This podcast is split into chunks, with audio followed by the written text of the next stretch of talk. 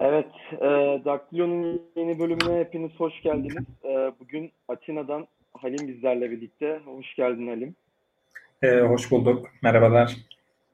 E, söz, Nazlıcan sen de hoş geldin bu arada. Seni de atlamayalım. Hoş bulduk sen de. Asıl sen hoş geldin artık zaten. Barış gidici ee... olduğu için Barış'a iyice misafir muamelesi yapacağız bundan sonra. Nereye? Nereye gidiyor? Kendi söyle. Amsterdam'a Amsterdam'a okumaya gidiyoruz. Şeye iktisat yapmaya. Mektere gidiyoruz. Ee, böyle bir süreç olacak. Ee, bugün aslında biz e, Halim'i uzun süredir e, Nazlıcan'la hep konuşuyorduk. Burada ağırlamayı hep istiyorduk uzun süredir. Tesadüfe bakın ki bu hafta onu ağırladığımız hafta tam da belki de e, bu konuyu konuşmanın en uygun olduğu hafta e, oldu. Hani özellikle e, Bele, şey, Van Belediyesi'ndeki olaylar ve e, Ayhan Bey'in istifası. E, sözü Nazlıcan'a evet. vereyim. Nazlıcan açsın yayını. E, sonra e, Halime hemen paslayalım. Teşekkürler. Ee, evet Halim Halim ben biz Barış'la bir uzun zamandır konu konu kalmayı düşünüyorduk. Bu hafta uygun oldu. Bu hafta uygun olması da gerçekten denk geldi. Halim'le şu biraz şöyle anlatalım. En azından nereden tanıştığımızı. Halim'le biz Boğaziçi Üniversitesi'nden tanışıyoruz. Ee, birlikte e, HDK'deki arkadaşlarımızla takılırken bahsettiğimiz özellikle Kürt sorunu o zamanlar çok e, havalı olan bir Kürt sorunu vardı. Çözülmeye yakınlaşan. O konular üzerinden muhabbet ederken falan filan e, yakın arkadaş olduk. Bugün de konuşacağımız konu aslında işte birazcık işte HDP, kayyumların ülkemizdeki tarihi demeyeyim büyük ihtimalle TDP'den çok çok daha önceye giden bir tarihi vardır ama 2017'den sonraki kısımdan bahsedeceğiz birazcık. Birazcık da aslında Halim'in e, bu daha daha çok ilgilendiği konu olan ana dilde eğitimden bahsedeceğiz. Halim bize bugün Atina'dan katılıyor. Orada yaşıyor. E, biraz istersen sen bize kendinden bahset. Ondan sonra yavaş yavaş girelim Halim'ciğim. Ee, işte aslında siz bahsettiniz e, konuyla ilgili. Şimdi iki yıldır e, Atina'da yaşıyorum ve burada çalışıyorum. E, en son işte Boğaziçi e, Üniversitesi'nden seninle beraber mezun olduk. Daha doğrusu senden bir yıl önce evet. mezun oldum. E, oradaki çalışmalarımdan yani kaynaklı daha çok ana dilde eğitimle yani ben de e, ana dili Kürtçe e, yani Kürtçe ile büyüyen sonra Türkçeyi sonradan öğrenen biriyim. E, fakat Kürtçe okuma yazmayı üniversitede, Boğaziçi Üniversitesi'nde aldığım derslerle tamamladım. O eksiğimi orada giderdim. O zamandan beri işte bu e, ana dilde eğitim sorunu yani Türkiye'de gündem e, maddesi olmaya e, çözüm sürecinden sonra biraz daha başladı. Sonra tekrar bugünlerde işte geri döndük. E, tekrar meclis tutanaklarına bilinmeyen dil olarak geçmeye devam ediyor. E, tekrar konu konuşulmamaya, konuşanları cezalandırmaya e, tekrar o evreye geri döndük ama artık insanlar e, yani insanların aklına bu bir kere düştüğü için e, o biraz zor oluyor. Onu geri döndürmek, o süreci geriye doğru işletmek biraz zor oluyor. Fakat işte biz de üniversite yıllarımızda, üniversite yıllarında bu, bu konuyla, bu konu üzerine düşünmeye başladım. Yani en azından kendi çocukluk tecrübeleri geriye doğru kendi çocukluğumdan e, anılarla ya da e, o, olaylarla ve e, okullar, ilkokul, ortaokul, lise burada burada yaşadıklarımla e, konuyu bunlarla eşleştirerek e, üzerine düşündüm biraz ve işte aldığım e, İngilizce öğretmenliği bitirdim ben ama bu biraz daha işte orada daha ziyade uygulamalı dil bilim diye geçiyor ve bir sürü dil bilim dersi e, aldık. Bunlarda da en çok tabii ki bahs sürekli konu e, Türkiye'de öğretmenlik yapacak insanların aldığı derslerde sürekli konu tabii ki Türkiye'deki insanların, Türkiye'nin demografisi gereği Türkiye'deki insanların e, ana diline geliyor ve bir insana yabancı bir dil öğretmek istediğiniz zaman ana dili çok önemli bir rol oynuyor. E, Türkiye'de de 25 milyon yaklaşık 25 milyon Kürt yaşıyor. E, bunların bir kısmının ana dili Kürtçe, bir kısmı çift dilli doğuyor, bir kısmı sadece Kürtçe ile sonradan Türkçe ile tanışıyor. E, geç bilingual ya da early bilingual ya da monolingual, mono-Kurdish, mono-Turkish şeklinde e, okul hayatına atılan bir sürü insan var. E, ama biz bunlara Türkçe ya da İngilizce öğretirken hiç bunu bu farkı gözetmememiz gerektiği. Yani Boğaziçi'nde bile bu fark çok üstüne düşünülmedi öbür okullarda nasıldır düşünmek bile istemiyorum. Ee, böyle diyebilirim. Teşekkür ederiz. Gerçekten aslında dil eğitimi, dil öğrenimi çok önemli konulardan biri. Hele Türkiye gibi e, sadece bir ana dili kabul eden, başka hiçbir dilin varlığını neredeyse kabul etme, en azından resmi olarak kesinlikle kabul etmeyen ülkelerde çocukların eğitimini ve gelişimini gerçekten etkileyen bir durum. Ee, en son değinelim istiyorum ona çünkü Halim'in gerçekten e, tutkulu olduğu konulardan biri. Birazcık öncesinde şeyden bahsedelim. Ee, birazcık kayyum belediyelerinden bahsedelim istiyorum. Nasıl başlamak istersin? Ben şey göstereyim mi hemen? Sunumumuza geçelim mi? Küçük bir özet yapayım kayyum meselesi demişken çünkü e, hemen bir özetle başlayalım sonra sizin de yorumlarınızla beraber yani yorumlayarak gidebiliriz. O verileri, tabloyu yorumlayarak gidebiliriz. Böyle yapalım mı? Ne dersin?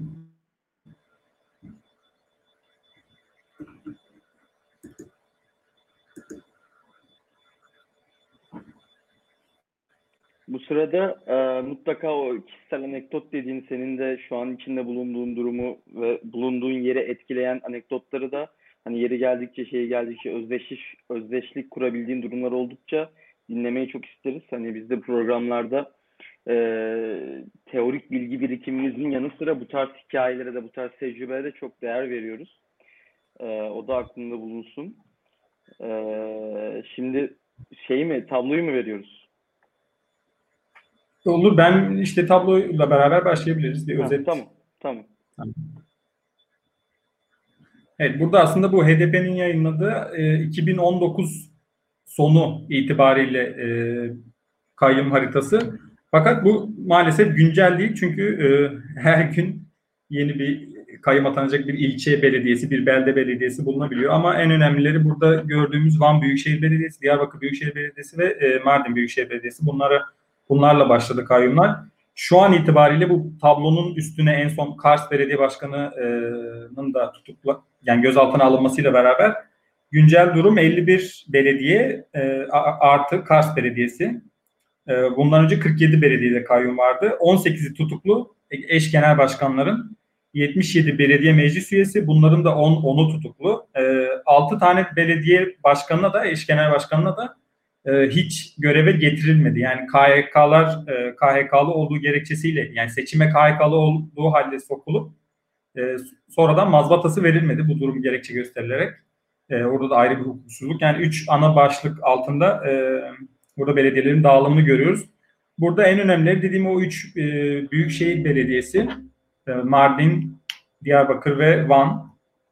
E, çünkü bunlarda e, bu büyükşehir belediyelerindeki hem ekonomik e, anlamda yani bu kayyum meselesi bir yandan sosyal e, bir yağmaysa bir yandan da ekonomik bir yağma. Kayyumlar göreve gelir gelmez işte çok ortak özellikleri e, ilk yaptıkları şey e, fotoğraf asmak. İşte Erdoğan'ın bir fotoğrafıyla geliyorlar ofise. E, sonrasında hemen işte belediyenin e, kurulu e, düzeni neyse ona direkt e, kurduğum kültürel merkezler, sosyal merkezler bunları kapatmak, e, kadınlara verilen e, belediye çalış, kadın çalışanlarına verilen hakları hemen kısıtlamak, varsa bir parkta bir isim, bir heykel, bir sokak adı bunları hemen yok etmek ya da e, Kürtçe, çift dilli, Türkçe, Kürtçe yazılan e, bazı belediyelerde Arapçada e, ya da Süryanice'de yazılan tabelaları indirmek, hepsini Türkçeleştirmek. Yani aslında e, dil meselesinden çok da bağımsız değil çünkü kayyumların ilk saldırdığı yer e, Kürt kimliğinin bileşenleri olan dil e, ve kültürel doku. O bölgenin kültürel dokusu, Kürdistan'ın kültürel dokusu. İlk saldırdıkları yer bunlar. Sonra da e, tabii ki e, ihaleler yoluyla e, ekonomik kaynaklara çökmek. Yani ihaleleri de hem, hemen e, şey hiç şeffaf bir, bir biçimde değil tabii ki. Zaten bu kayyumlar oranın valileri yani kayyum diye atanan kişiler orada bulunan devlet görevlileri. Ee, yani seçilmiş kişiler olmamakla beraber bölgeyle çok bağ da yok. Belki de işte Sakaryalı biri orada valiydi. Hemen orada o sırada vali olduğu için e, kayyum olarak atanıyor. Yani hiç bölgeyle hiçbir bağ yok. Atanıyor ve işte kimi tanıyorsa oradaki AK Partililerden e, o şekilde işleri hemen yürütmeye başlıyor. E, bu e, bahsettiğim başlıklardan ilki kadın belediyelerin Heh, buyur buyur. Pardon. Nazcan'ın sesi sesi kapalı. Evet Nazcan'ın sesi kapalı. Açtım şu an. Ben de diyorum ki niye kimse beni dinlemiyor? Pardon. El hareketini görünce. Aa, ben şey e, mikrofonu değiştirdiğim için kapanmış. E, şey önemli bence bu kayyumlar nereden geliyor? Havadan böyle birdenbire ortaya çıkıyor gibi düşünüyoruz ama genellikle bunlar zaten o şehrin valisi oluyor. Valiler kayyum atanması için yani o şehri kayyum atanması gerektiğine dair dilekçeyi veren insanlar kendileri oluyorlar bu arada. Yani şey diyor bu insan bunlar bu, bu yönetemiyor bırakın ben yöneteyim deyip dilekçe veren zaten hali hazırda devlet tarafından atanmış bir devlet memuru aslında. Düşünce evet, ona... devlet memuru yani şey oradaki adıyla e, sömürge valisi. Sömürge valisi bu sefer daha fazla yetkiyle e, seçilmiş insanların hakkına konuyor. Ya burada şöyle bir şey de var. İlk baş tabii ki bu kayyum meselesi yeni değil. 2015'ten beri sürekli atanıyor ama en son işte artık hiç belediye kalmadı. Bu Kars Belediye Başkanı da e, Ayhan e, Bilgen de gözaltına alınca hiç HDP'nin elinde neredeyse hiç belediye kalmadı. E, şehir belediyesi.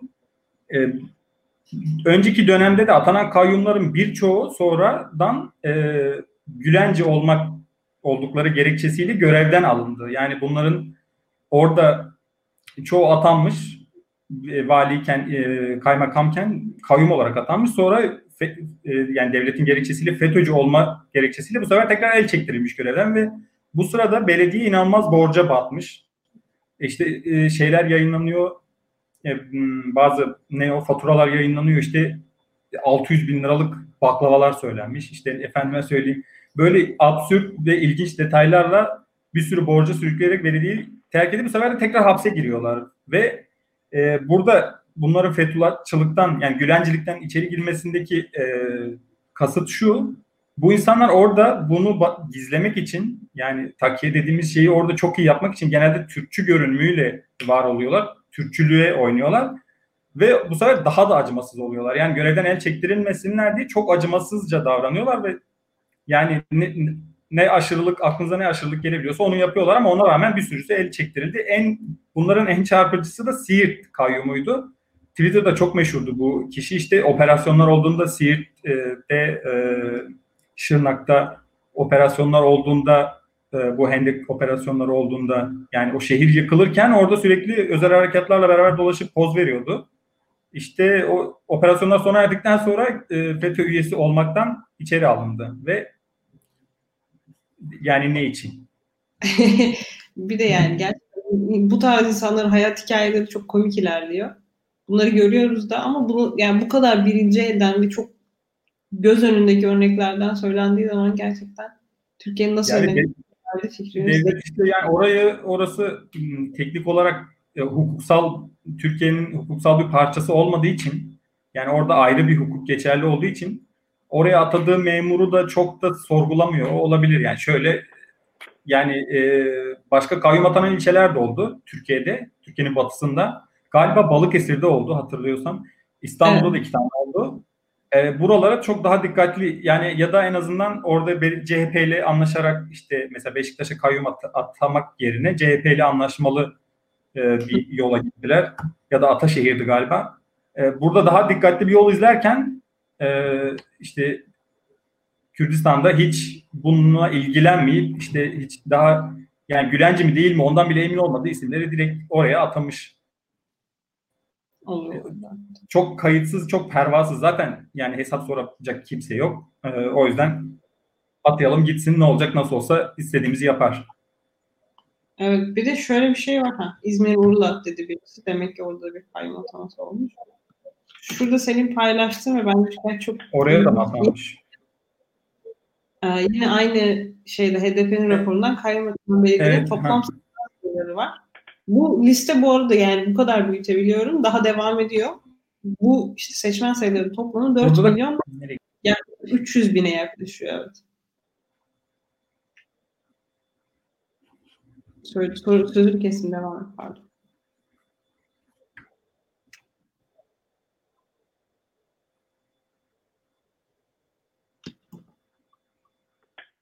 Bir de nüfusu bu seçmen sayısı nüfus olarak çok daha fazla herhalde bundan.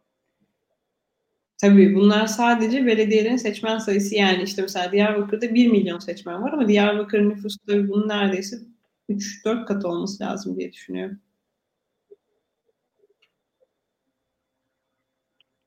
Halim, Halim peki e, bu atanan kayyumların halkla ilişkisi noktasında ya da AKP adına yaptıkları halkla ilişkiler faaliyetleri noktasında ne söylemek istersin? Yani bana hep şöyle geliyor.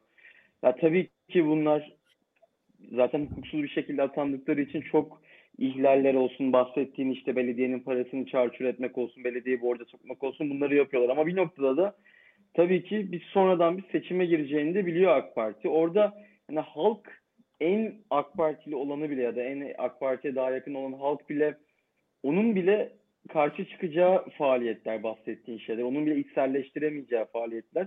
Herhalde bu gidişle hani bu benim aklıma tek gelen bu sistemin, bu mantalitenin devam edeceği yoksa daha da büyük bir kopuş oldukça çünkü e, seçim yoluyla ya da normal meşru yollarla orada kontrol ele geçirmenin e, imkanlılığı da azalıyor AK Parti için herhalde gittikçe.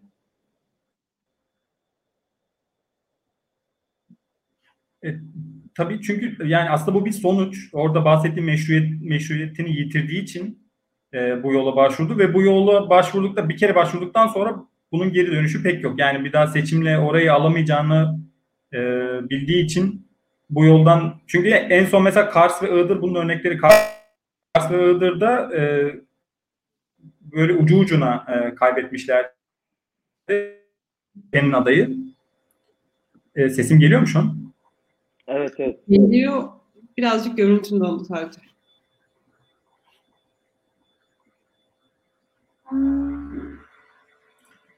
E, Orada en son işte onlara mesela Kars Belediyesi'ni en sona bıraktı, bıraktılar. E, çünkü orada he- hala bir ihtimalleri vardı ama öbür belediyelerde artık o ihtimal olmadığı için ve bu kopuş çoktan yaşandığı için e, bu yola başvurdular. Hı. Şu an iyi mi? İyi geliyor sesin. Ha, tamam.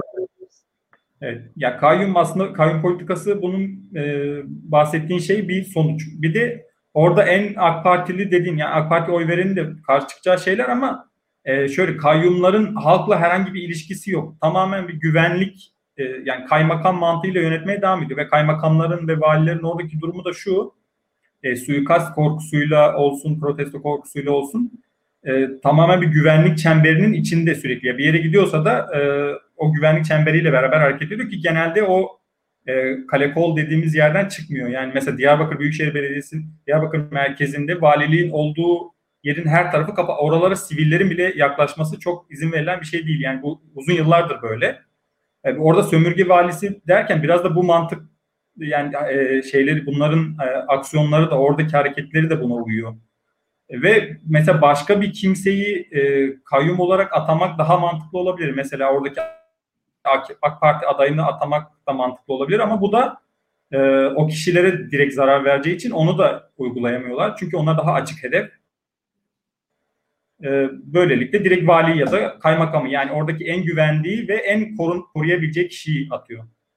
Yani herhangi bir meşruiyet beklentisi kalmadığı için ve kopuşu e, tabii hala biraz daha ihtimal var hala ama bu hamle kopuşu daha da derinleştiriyor. Yani artık e, kopacak herhangi bir şey kalmamacısına tüm şu an tüm belediyelerde kayyum var neredeyse. E, bu da artık bir beklentilerinin olmadığı. Ama Türkiye genelinde de biraz böyle. Zaten e, şu anki yöneten e, e, koalisyonun herhangi bir beklentisi var mı emin değilim yani. Şu an zaten son ne varsa artık ellerinde son kurşunları atıyorlar gibi bir halleri var. E, yani bir adım ilerisini düşünemiyorlar değil, ellerinde o imkan yok artık sanırım. Ee, bir de şeyi sormak istiyorum aslında tam da bu noktayla ilgili olarak e, kayyumların içinde bulunduğu durum ve kayyumların e, sayısının artmasından sonra biz aslında HDP'nin içinde de bir takım e, görüş farklılıkları mı desem, çatırdamalar mı desem ya da HDP'nin gideceği, evrileceği yola dair tartışmalar gördük. İşte Ahmet Şık'ın istifası e, bu tartışmaları hareketlendirdi. Sen ne kadar hakimsin bilmiyorum ama en azından hani oradaki süreci takip eden biri olarak dışarıdan baktığın gözle ve bilhassa bir sonraki seçimde muhalefetin e, HDP'nin yakınlığına, oylarına, HDP seçmenlerinin oylarına ihtiyacının olduğunu hesaba katarsak orada bir yandan da işte AK Parti'nin HDP ile içten içe bir takım e, ikna çabaların olduğu kriminalizasyona ya da tam tersi kriminalize etme e, tamamen tasfiye etme oradaki daha e, sol kesimleri daha e, geleneksel sol kesimleri tasfiye etme e, çabası olduğu düşünülüyordu. Sen bu konu hakkında ne diyorsun? HDP'nin parti olarak bu sürece verdiği tepki ya da iç yapısı bağlılığı anlamında. Ya şimdi burada değerlendirmesi gereken bence iki farklı nokta var. Bahsettiğim noktalar birbirinden e, birbirini çok da kesen şeyler değil e, ama birbirini etkileyen dinamikler. Ahmet Çık'ın istifası e, HDP politikalarıyla ilgili muhtemelen yani çok bir açıklama yapmadılar. Benim de partiyle yani doğrudan bir bağım yok. E, o yüzden hani çok emin olmamakla beraber çok memnun olmadığı için ayrıldığı çok belli. Ama hangi kısımdan yani Ahmet Çık sonuçta e, Kürdistan vekili değil, İstanbul'dan seçilmiş bir vekil. Yani oradaki genelde parti içinde de e, iki ayrı e, şey var diyebiliriz. iki ayrı yani hizip demeyelim de iki ayrı görüş ama bunlar tabii e, demokratik bir çerçevede var olmayı şimdiye kadar başardılar. Ama Ahmet Çık hangi kısımdan memnun değildi de ayrıldı bilemiyorum ama e, onunla ilgisi vardır. Yani o konuda çok yorumlayacağım bir şey yok. Çünkü o, elimizde çok veri de yok. E, çok basit bir açıklama yaptı. E, muhtemelen yani biraz kol kırılır yen içinde kalır e, şey oldu. Çok objektif bir ayrılma olmadı. Ama öbür tarafta e, yani AKP ile artık bir varılabilecek bir yer olmadığı, e, bu kayyum politikalarının bir dahaki seçimde mesela HDP tüm belediyeleri alsa bile e, hemen ertesi günden başlayarak bir yıl içinde muhtemelen tüm belediyeler tekrar kayyum atanacak. E, bu yüzden HDP işte son seçimde çok akıllıca bence bir politika uygulayarak e, kazanamadığı yerlerde şey iktidara kaybettirmeyi seçti ve başarılı da oldu. Mesela işte hmm, Mersin, Adana, Antalya, e, İstanbul en önemlisi. E, ama Ankara, e, işte İzmir buralarda çok etkili olmasa da en azından e, e, muhalefet adaylarını kazanmasında kazanmasına yardımcı oldu. E, artık yani bu mesela son ürettiği en başarılı politikalardan biriydi ama politika üretmekte zorlanmasının da bir açıklaması var. Bence haklılık payı da var. Çünkü mesela buraya gelmeden önce haberlere baktığımda sürekli e, başlıklar şöyle işte e, HDP bileşenlerine operasyon işte 100 gözaltı, 50 gözaltı, 150 gözaltı. Bir de şehir şehir her şehri ayrı ayrı arattığınızda muhakkak ayda bir bir operasyon oluyor ve bu insanlar gözaltı süresi yani her normal bir hukuki süreci zaten yani askıya alınmış. Bir de iki kere askıya alınmış bir hukuki sürece maruz kaldıkları için e, geldikleri parti e, dolayısıyla yani gözaltı süresini falan geçtim. Herhangi bir iddianame hazırlanmadan e, içeri alınıp bekletiliyor ve yarısı tutuklanıyor, yarısı geri kal- e, bırakılıyor. Bir sonraki baskında bu sefer öbür yarısı toplanıyor. Yani partinin yürüt e, karar verme mekanizmaları, bu kararları yürütecek insanların çoğu şu an içeride.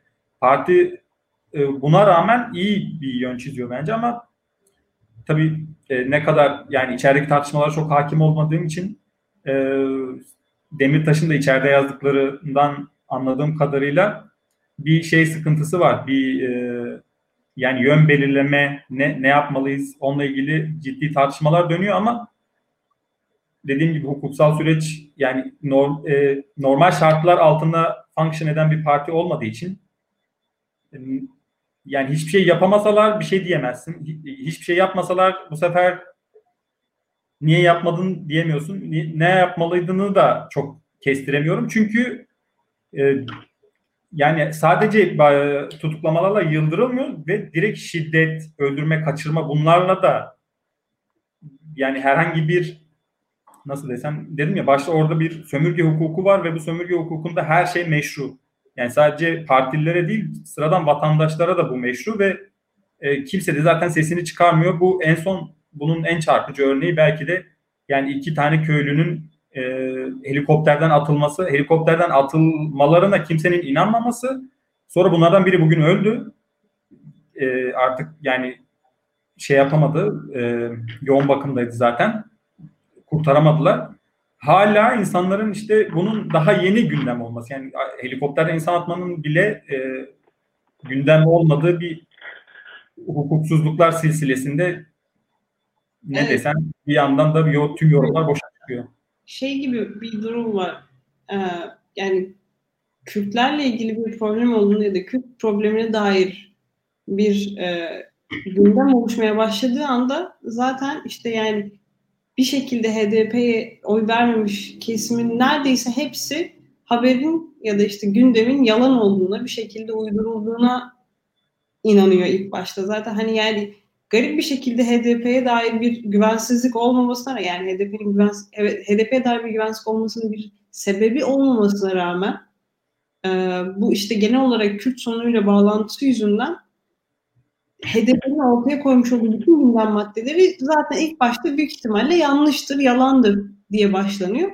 Bu şeyle de işte yani o helikopterde falan iki insanla da bence çok alakalı. Yani bu kadar bariz ve sen daha iyi biliyorsundur ama zaten çok ilk defa icat ettikleri bir yöntem değil. İlk, bir kere ilk yapıldığını sanmıyorum zaten. Evet ilk ama son kez 92'de 93'te gördüğümüz yani o yine iç savaşın çok şiddetli olduğu zamanlarda tüm kolluk kuvvetlerinin bölgeye yığıldığı dönemde en son orada görmüştük. İşte aradan bir sürü zaman geçti 2020 Türkiye'sinde yine biraz hani en azından bu kadar polarize olmuşken toplum e, polarize olmuş bir öbür taraftan da ses gelmemesi çok garip. Yani insanlar e, tepki vermeyerek de onaylıyor. Sessiz kalarak da bu şiddeti onaylıyorlar. E, ona e, onu kastetmek istedim. Yani sadece yalan olduğunu yani mesela bir kesim var evet direkt işte zaten bunlar e, PKK ile bağlantılı hiçbir değeri yoktur diyor ama öbür kesim de sessiz kalarak e, ve bu muhalefetin çoğunluğunu oluşturuyor. Sessiz kalmada bir onaylama yöntemi. Orada sık yani oradan biraz en azından ses gelse belki daha fazla gündem olabilir. Çünkü böyle olunca hiç yani bir taraf sessiz kalarak onaylayınca İçişleri Bakanı da çıkıp onlar aslında PKK'lıydı dediğinde soruşturma kapanıyor. Halbuki e, onların çiftçi olduğu, köyün ortasından alındığı, yani kay- önce kayalıklardan atıldı dendi. Sonra o bölgede kayalık olmadığı için ya onlar zaten e, PKK'lıydı kaçarken yakalandı ve helikopterden düştü. Yani böyle komik komik açıklamalara muhalefetin de gündemi olmayınca çok kolay üstü örtülebiliyor. İşte bahsettiğim o e, çifte hukuksuzluk orada daha gözle görülür hale geliyor. Ona rağmen inanmamayı seçebilen insanlar var ya da inanmamayı değil sessiz kalmayı seçebilen insanlar var. Evet. Ya belki de çok konforlu sessizlik bir yandan da yani gerçekten. Çünkü bu tarz şeyler üzerine, bu kadar bariz şeyler üzerine ses çıkarmak çok zor olmamalı diye düşünüyorum. Çünkü bu artık hani Kürt meselesiyle de ilgili değil, çok ba- basit insan hakları meseleleriyle ilgili problemler, çok bariz problemler aslında.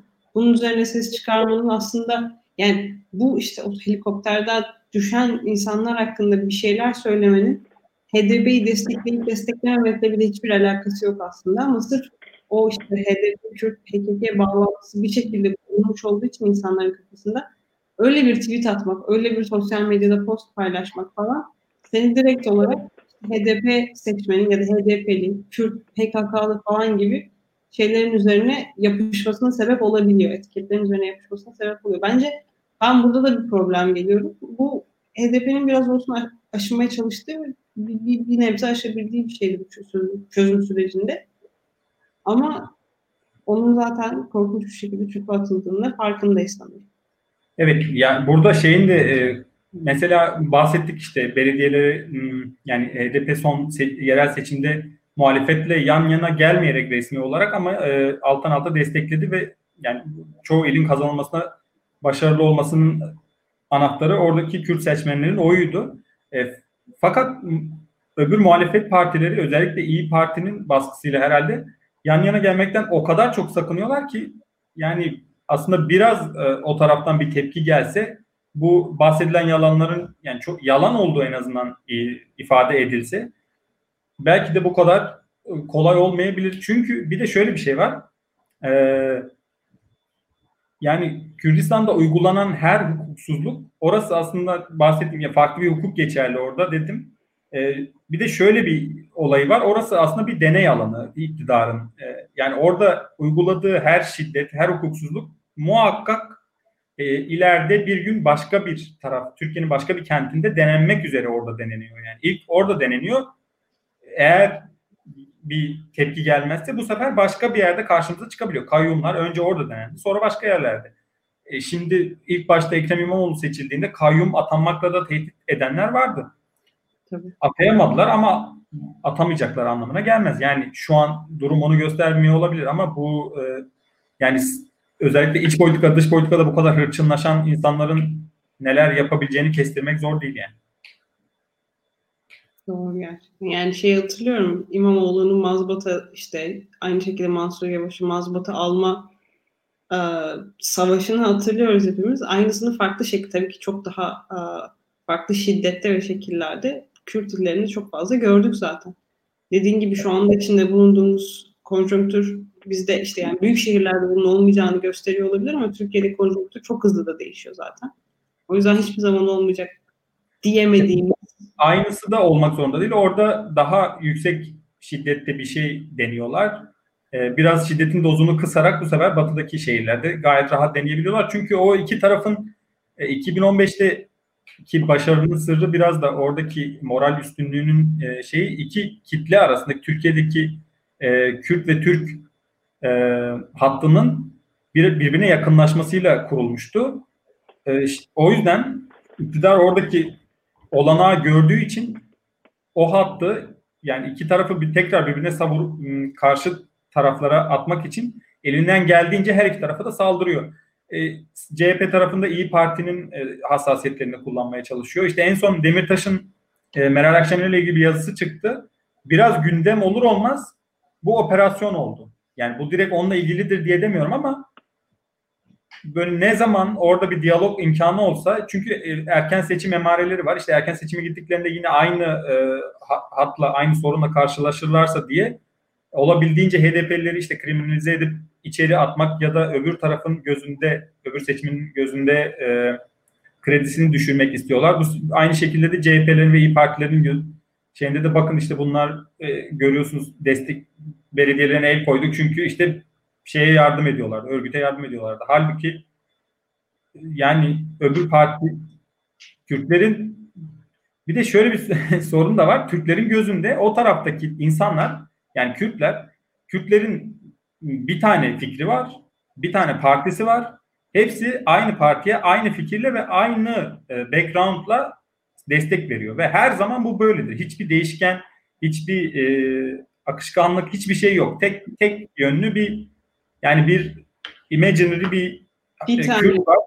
Evet bir tane var ve o anketteki Kürt aynı, köydeki aynı, şehirdeki aynı, İstanbul'daki de, yani o parametre değişkenlikleri hepsi Türklere özgü, Kürtlere özgü hiçbir şey yok ve o tek düze e, tek bir hat üzerinden okudukları için de sıkıntılar yaşıyoruz. O yüzden mesela Süleyman Soylu çıkıp ya bunlar e, PKK'lıydı dediğinde insanlar da inanıyor. Vay be yani oluyor Halbuki köyün ortasında PKK'nın ne işi var? Ya da sürekli şiddet haberleri geliyor. Çobanları kaçırıp kaçırıp e, askerler işkence edip geri bırakıyor ya da bırakmıyor ya da içeri alıyorlar.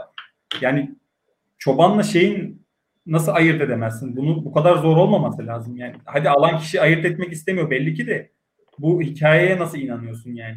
Evet. Yani bir de şeyde araya gireyim burada. Ee, gayet işte şey akreplerin arkasına sürüklenen cesetlerle ilgili falan birçok görüntü de düştü şeyimize. Ee, daha önceki yıllardaki operasyonlar sırasında hani hiç böyle görülmemiş bir şey falan filan değil ki de yok artık canım o kadar da değildir falan desin insanlar ta ki ölümler gelince ta ki görsel kanıtlar gelince ki görsel kanıtlar gelince de yine farklı şekilde hani onu müdafaa etme girişimin girişimleri oluyor maalesef apoloji yapma girişimleri ama e, gerçekten ben en azından bizim kuşağımızın, yeni neslin bu konuda çok daha bilinçli ve e, çok daha e, empati yeteneği yüksek olduğunu düşünüyorum.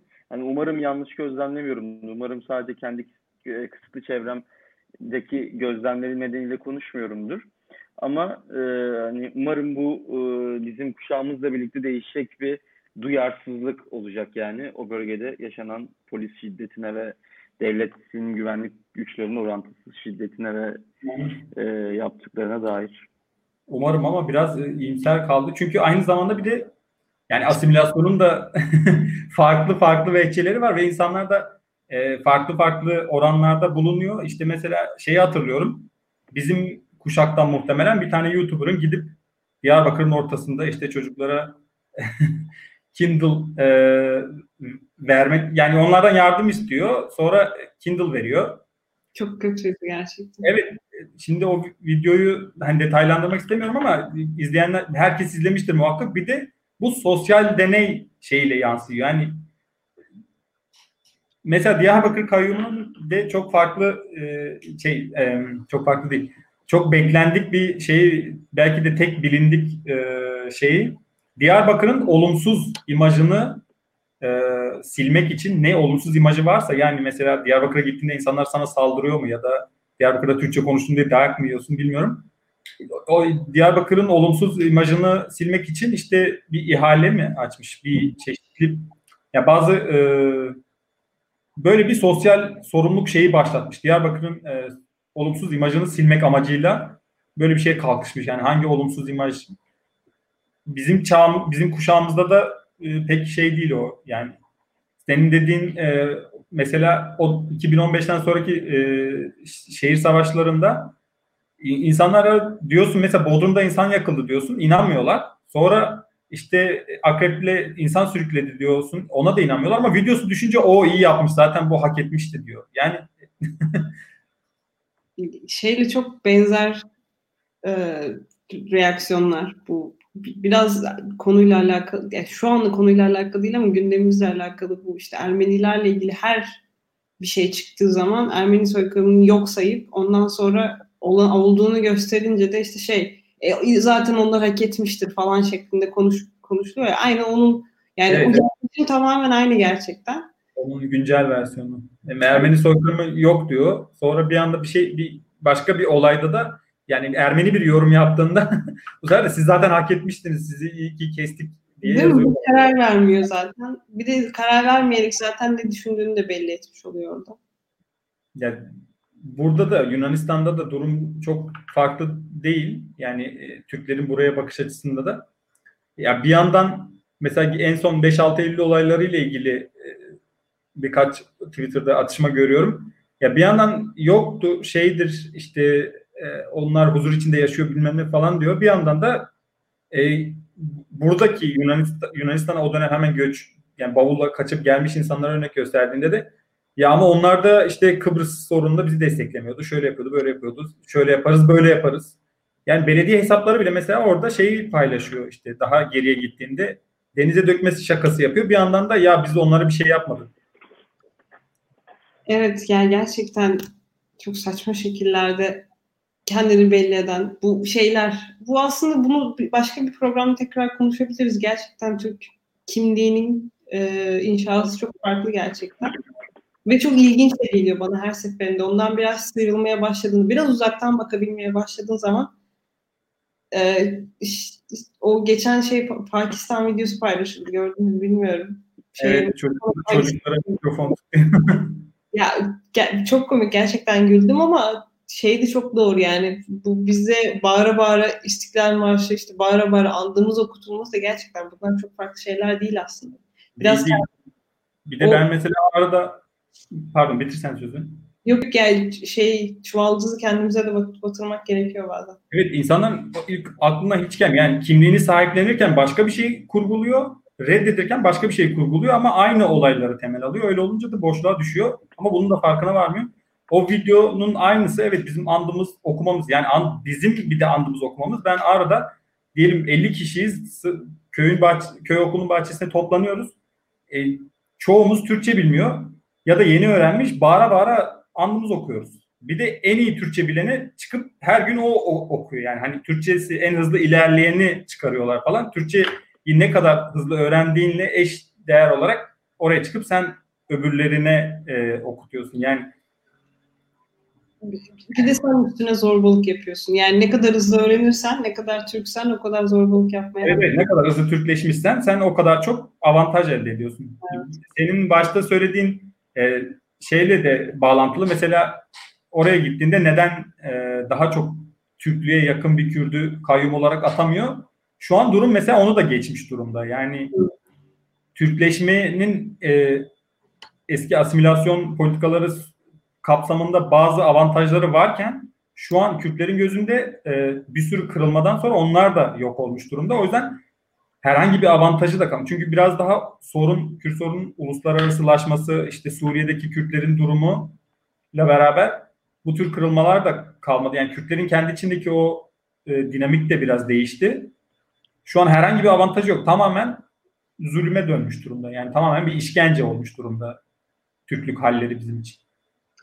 Biraz şeye bağlayalım o zaman. Öyle bitirmiş olalım. Çok fazla vaktimiz de yok zaten. Bir 10 dakikamız var maksimum. Ee, bu okuldan bahsettin işte.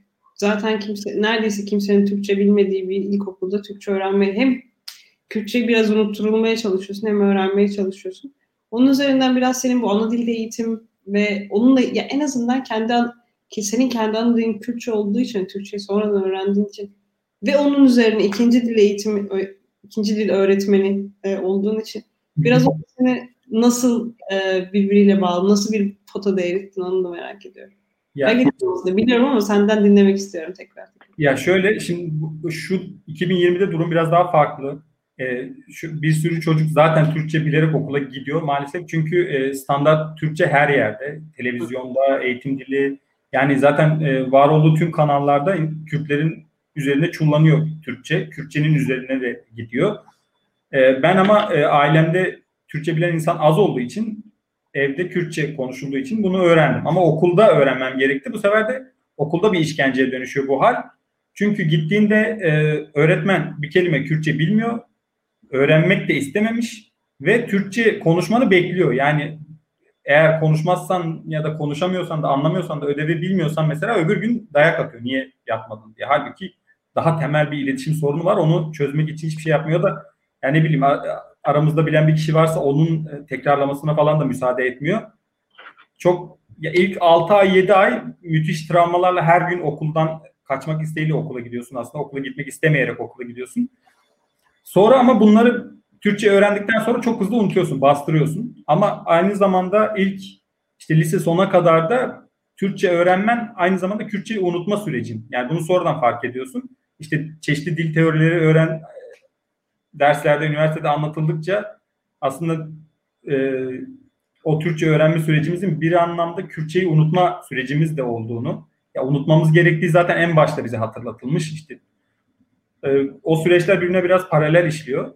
Sonra e, şeyi öğreniyorsun. E, yani çoğu derste bize işte bilingualizmin çok e, önemli bir şey olduğu, işte çağın gerekliliği, olduğu, bilingual yetişen çocukların aslında biraz yavaş öğrenmeyle yani tabii bir sürü teori var, bir sürü görüş var ama en yaygını bilingualizmin yararlı bir şey olduğu. Çünkü e, çocukların birkaç kanalda düşünmesi onlar için iyi, onların e, yani zihnini açan, geliştiren bir şey.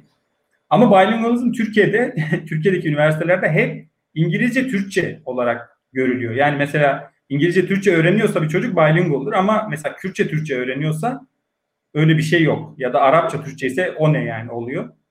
Ee, orada bir görmezden gelme var ama görmezden gelme zaten tüm eğitim politikasının şeyi e, özeti, özeti evet yani e, görmezden gelme hali tüm eğitim politikası. E, sonra bunları mesela ben hatırlıyorum dile getirdiğim zaman sınıfta rahatsız olanlar falan oluyordu. Yani ne demek o da mı bilingual oluyor? Şey böyle utanmasa yani Boğaziçi'nde olduğuna utanmasa şey diyecek insanlar hatırlıyorum yani.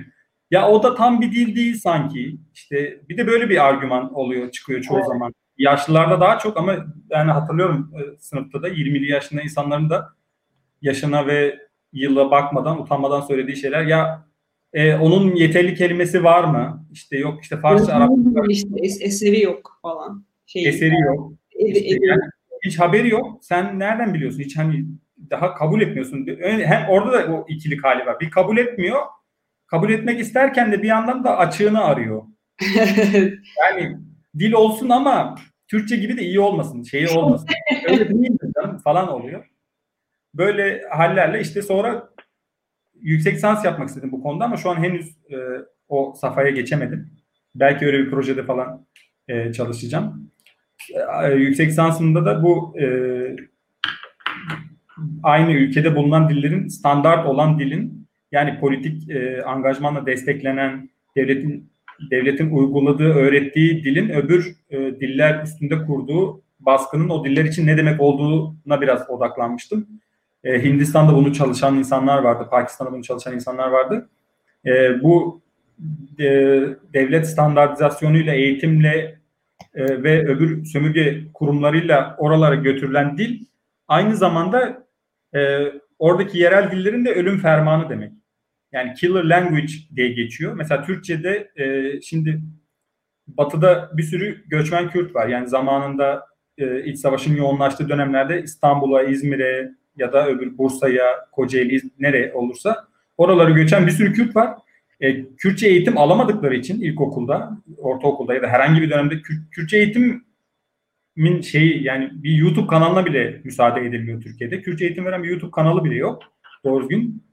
E, o, Kürtçe eğitimi destekleyemiyorlar. Kürtçelerini destekleyemiyorlar. Kelime dağarcıkları çok sınırlı kalıyor. Bir yandan da Türkçe konuşmak, öğrenmek zorundalar. Çünkü toplumda e, yani bir e, sınıf atlamak isteyeceksin ya da bir şekilde bir e, kaynaşma aracı olarak Türkçe yani aksansız konuşmak isteyeceksin. Aksanın olduğu zaman bir şeyleri halledemeyeceksin. Kürt olduğunu anlaşılacak. Bu tür psikolojik kaygılarla oraya doğru, Türkçe'ye doğru gitmek istiyorsun. Çünkü o Türkçenin çeşitli avantajları sunuluyor sana. Yani aslında eşitsizlikten oradan avantaj doğuyor.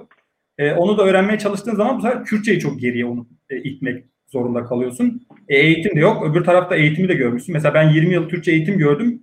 Kürtçem çok geride kalmıştı. E, ders aldım ama hala mesela yazıda ve şeyde çok rahat değilim. Yazıda ve okumada çok rahat değilim. Yani aşırı akıcı değilim. Sen bir de yani aktif olarak bu yeteneğini bu, unutmuş olduğun dili tekrar öğrenmeye çalışan birisin. Çoğu insan zaten kabul edip unutuyor. Çoğu insan evet bunu unutuyor. Yani mesela benim şu an e, çoğu kuzenim e, Eskişehir'de yetişen çoğu kuzenim bilmiyor yani. Sadece çok az anlıyor. O da annesi Türkçe bilmediği için ya da çok az duyduğu için ama bir iki yıla onu da unutacak belki. Öyle çok insan da var bu arada. Çok kişiyle ta- tanışıyorsun. Aa bizimkiler de Kürt. E, Kürtçe biliyor musun? Hayır. E, çünkü korktukları için öğretmek istememişler belki de. Yani başına bir iş gelmesin. Çünkü aynı zamanda Türkiye'nin yani Kürtler tek yönlü, tek boyutlu değil derken onu da kastediyordum. Batısında da Kürtler var ve bunların başı çok daha sık belaya girebiliyor yani. E, senin konuşma biçimini beğenmeyip seni kurşunlayabilen insanlar var. Ya da işte Kürtçe mi konuşsun diye Çanakkale'de yaşlı bir adamı dövmüşlerdi.